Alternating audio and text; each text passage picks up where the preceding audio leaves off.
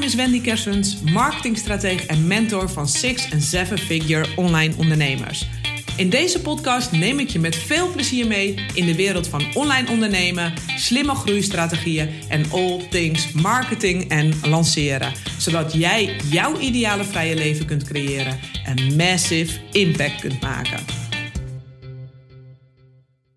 Hey Wendy hier, super tof dat je weer luistert zo na de zomer. Ja, de zomervakantie zit er nu ook in Noord uh, ja, bijna op.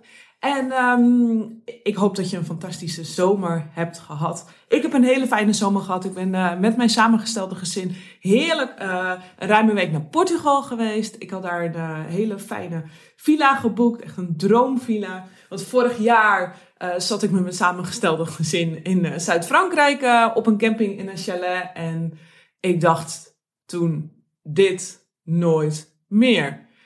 Met z'n vijven in een chalet, in zo'n, uh, ja, weet je wel, zo'n houten um, mobile home is het eigenlijk meer. Um, en uh, daar werd ik dus echt niet gelukkig van op dat moment. Nou, mijn partner ook niet. En we dachten, oké, dit moet anders. En um, ik heb uh, eigenlijk vrij kort daarna, vorig jaar, direct zei ik van, we gaan lekker naar een huis. Wat wil ik? We gaan gewoon nu echt een, een droomvakantie boeken.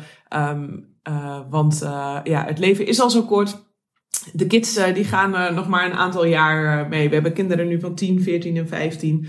Dus um, ja, we dachten van we gaan het er gewoon lekker van nemen. En het was echt de beste keuze ever om dat te doen. We zijn iets korter gegaan, waar we normaal wat langer op vakantie gaan. Um, hebben we nu voor gekozen om korter te gaan, maar gewoon beter. Um, op vakantie te gaan. En dat was echt een fantastische keuze. Want het Um, ja, iedereen had nu de ruimte. Het was gewoon een heerlijk huis. Nou ja, daardoor uh, waren we natuurlijk in opperbeste stemming. Maar er was ook gewoon genoeg ruimte voor iedereen. Voor de kids ook. En um, de oudste kinderen die blijven bijvoorbeeld al lekker lang uh, slapen. Maar die hadden gewoon echt een soort van apart gedeelte in het huis. Waar zij konden slapen. En dan hadden we gewoon allemaal geen last van elkaar. Konden de anderen ook gewoon zeg maar herrie maken of gewoon een ontbijtje maken zonder dat de anderen daarvan wakker werden. Dus dat was heel erg fijn en natuurlijk ja, prachtig uitzicht uh, over een berg. Een heerlijk zwembad erbij. Dus uh, ik heb er ontzettend van genoten en uh, ja, dat gaat zeker op herhaling. En ik hou van Portugal. Dat bleek nu ook alweer. We hadden de touchdown en ik dacht echt, uh, ik voelde het gewoon in mijn hele systeem. Dat ik dacht, ah, ik ben er weer. Super, super fijn. Ik ben er al heel vaak geweest en het is echt uh, gewoon mijn plek daar. Dus um, nou, ik kijk er weer naar uit om er weer heen te gaan. Um, later dit jaar ga ik in ieder geval nog wel lekker naar Portugal. Ticket is alweer geboekt. Maar goed, um, dit is een podcast uh, voor ondernemers die al een tijdje bezig zijn met ondernemen. En er viel mij de afgelopen periode wat op. Het afgelopen jaar viel mij wat op. Um, en zeker nu, zo na de zomervakantie, dacht ik dat is wel goed om hier een podcast over op te nemen. Omdat het iets is wat ik gewoon super zonde vind. Um, en waar ik je eigenlijk voor wil behoeden. En wat dat is, is dat ik ontzettend veel zie dat er, um, ja, zeker bijvoorbeeld na een vakantie, maar ook um, ja, na periodes van een lange tijd hetzelfde. Dat ondernemers, ja, die zijn veel geneigd, zeker creatieve ondernemers, om allemaal nieuwe dingen te doen. Dus nieuw aanbod te maken. Uh, in het verlengde van het bestaande aanbod, maar ook gewoon totaal nieuw aanbod van hey, ik heb een idee, nu wil ik dit doen. En dan helemaal in een uh, misschien nieuwe markt of een andere markt.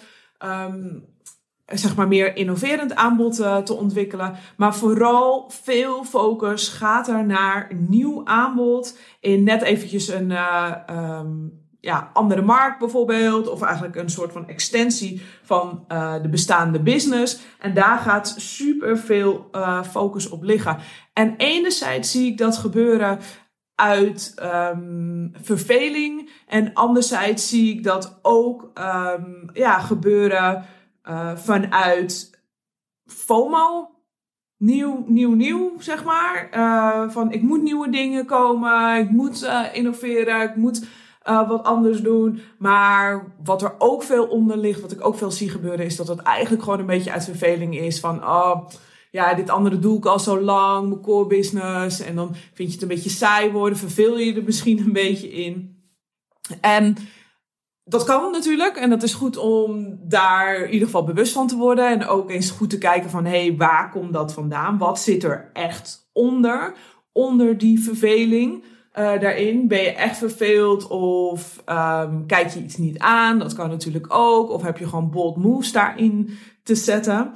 Maar ik vind het super zonde, want ik heb nu al meerdere keren ervaren dat er echt al iets uh, goedlopend staat, dat de code enorm gekraakt is en dan zo wordt gezegd, ja, ja, ik heb daar geen zin meer in. En dan heb je de code gekraakt en dan willen ondernemers ermee kappen. En dat vind ik, ik zie dat vooral veel bij vrouwen. Het gebeurt ook wel bij mannen hoor. Maar wel vaak uh, iets mindere mate. Dan is de code dus gekraakt en dan is het dus zo van, oké, ja, I quit, ik ga weer wat anders doen. En dat is natuurlijk super zonde, want je weet hoeveel tijd en effort het heeft gekost om die code te kraken.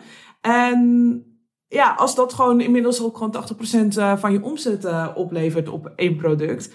Ja, wat zou er dan gebeuren als je nu juist meer focus legt op je aanbod, wat nu dus al 80% van je omzet oplevert? Als je daar uh, de customer experience bijvoorbeeld door het dak laat knallen. Zodat je echt gewoon vette raving fans krijgt. En je aanbod via via gewoon al dik gaat verkopen. Wat als je daar je processen optimaliseert, zodat het ook allemaal veel efficiënter gaat lopen en je winstmarges daardoor uh, toenemen. En daardoor misschien ook wel minder energie van jou uh, erin hoeft en van jouw teamleden, omdat de processen gewoon soepeler en meer geautomatiseerd uh, lopen. Wat zou er dan gebeuren? Wat als je daar um, op dat product zelf, zeg maar, innoveert en echt gewoon world class levert? Dat is iets om eventjes uh, over na te denken. En ja, je moet zeker ook bezig zijn met de toekomst. Dat is altijd een goed idee. Want misschien zie je wel een gat in de markt. Maar weet je wat het met dat, dat soort dingen is? Je weet vooraf niet of en in welke mate dit aanslaat. Dus het is ook een risico voor jezelf en je bedrijf om daarmee bezig te zijn. En je moet er zeker mee bezig zijn. Hè? Maar ik dacht, ik ga even de 70-20-10 Rule of Innovation met je delen. Nou, die um, is geïntroduceerd uh, door Eric Schmidt. Dat is de voormalige CEO van Google. Maar dit, deze Rule of Innovation wordt gebruikt door echt hele grote innoverende bedrijven als een uh, Netflix, als een uh, eh, 3M, als een Google um, en nog vele andere um, daarin. En ik dacht, ik ga hem even met je delen, want het geeft een beetje een houvast over hoe ja, grote tech companies uh, dat doen. En als jouw business uh, ja, gewoon al lekker draait, zeg maar, kan dat je misschien wat houvast geven dan gewoon op jouw schaal, op jouw manier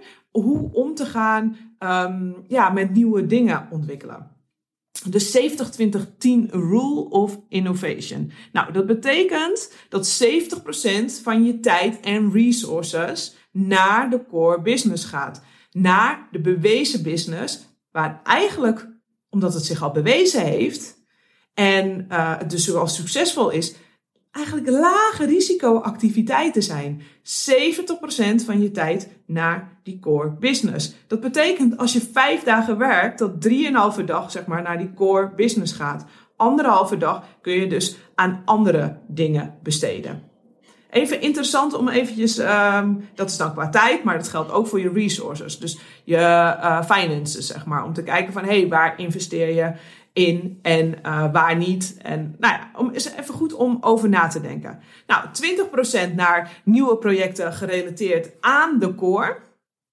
Dus die vrij snel getest kunnen worden, uh, omdat ze bijvoorbeeld in dezelfde doelgroep zitten. Of misschien net in een andere markt zitten, maar die je snel kan testen. Of dat het bijvoorbeeld al een uh, bestaand product is in een andere markt. Nou, daar kun je 20% van je tijd aan besteden. En dan 10% van je tijd, zeg maar echt aan volledige nieuwe projecten. Wat misschien wat meer disruptive is. Uh, wat echt innoverend is, echt iets anders is.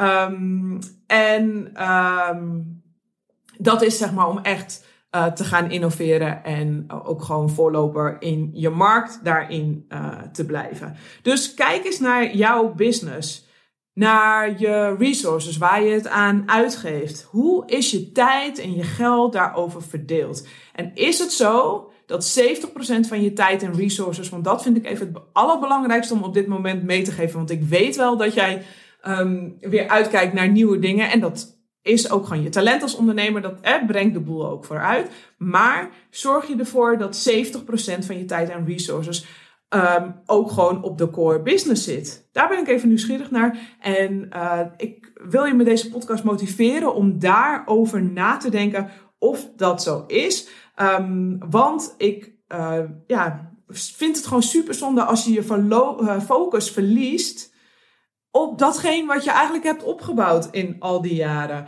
Waar je al je tijd en energie al in hebt gestoken. Waar je de markt al supergoed kent. Waar je je audience supergoed kent. En dat zie je bijna zelf niet meer. Omdat het bijna al zo common sense is. Maar door al die jaren ken je je doelgroep zo ontzettend goed. En dan kun je steeds beter die taal pakken. Ook in, nou stel je hebt een online course bijvoorbeeld. Ook daarin hè, kun je ook zoveel meer naar product excellence doen. Dat je uh, je klanten in een veel kortere tijd naar het gewenste resultaat kunt begeleiden. Omdat je weet, exact weet, door die jaren ervaring, waar ze mee stoeien en wat zij nodig hebben om naar dat gewenste resultaat te komen. Dus dat is heel erg interessant. Dus daar, ook daarin, hè, binnen je bestaande product, kun je ook ontzettend innoveren en je energie um, ja, daarin kwijt. Om dat super, super goed te maken. En uh, als dat echt een fantastisch product is, krijg je echt ontzettende raving fans. En die mensen kopen daarna ook dan veel makkelijker weer iets anders van je. Omdat het gewoon een fantastische experience was. Omdat je product gewoon ontzettend goed was. En dat is, uh, ja, daar ga je echt het verschil maken. Ook ten opzichte van concurrentie die eventueel dan opkomt in je markt. Um, daar heb je die voorsprong. Maar zorg ook dat je die voorsprong behoudt. En niet dat je cursus, zeg maar, uh, tien jaar geleden is opgenomen. En dat je daar nooit meer iets mee hebt gedaan. Want nu heb je zoveel meer kennis. Blijf daar binnen. Dus in je core product. Uh, ga daar ook vernieuwen. Zorg dat het daar ook gewoon echt dikke shit blijft. Nou, you've got my point. Um, dit is iets uh, wat ik je echt even mee wilde geven uh, voor deze week. Ook zeker zo nu na de vakantie. Uh, omdat er, ja, nu staat het lanceerseizoen natuurlijk ook weer op de stoep. En je hebt misschien zo na de vakantie echt 101 nieuwe ideeën. Maar neem deze 70-20-10 Rule of Innovation even op hoofdlijnen mee. Scan dat eens even voor jezelf. Van hey, hoe staat het ervoor? En wat kan ik doen om uh, ja, de bestaande business, de core business, uh, eigenlijk waar uh, het meeste cash vandaan komt, hè, je cash cow.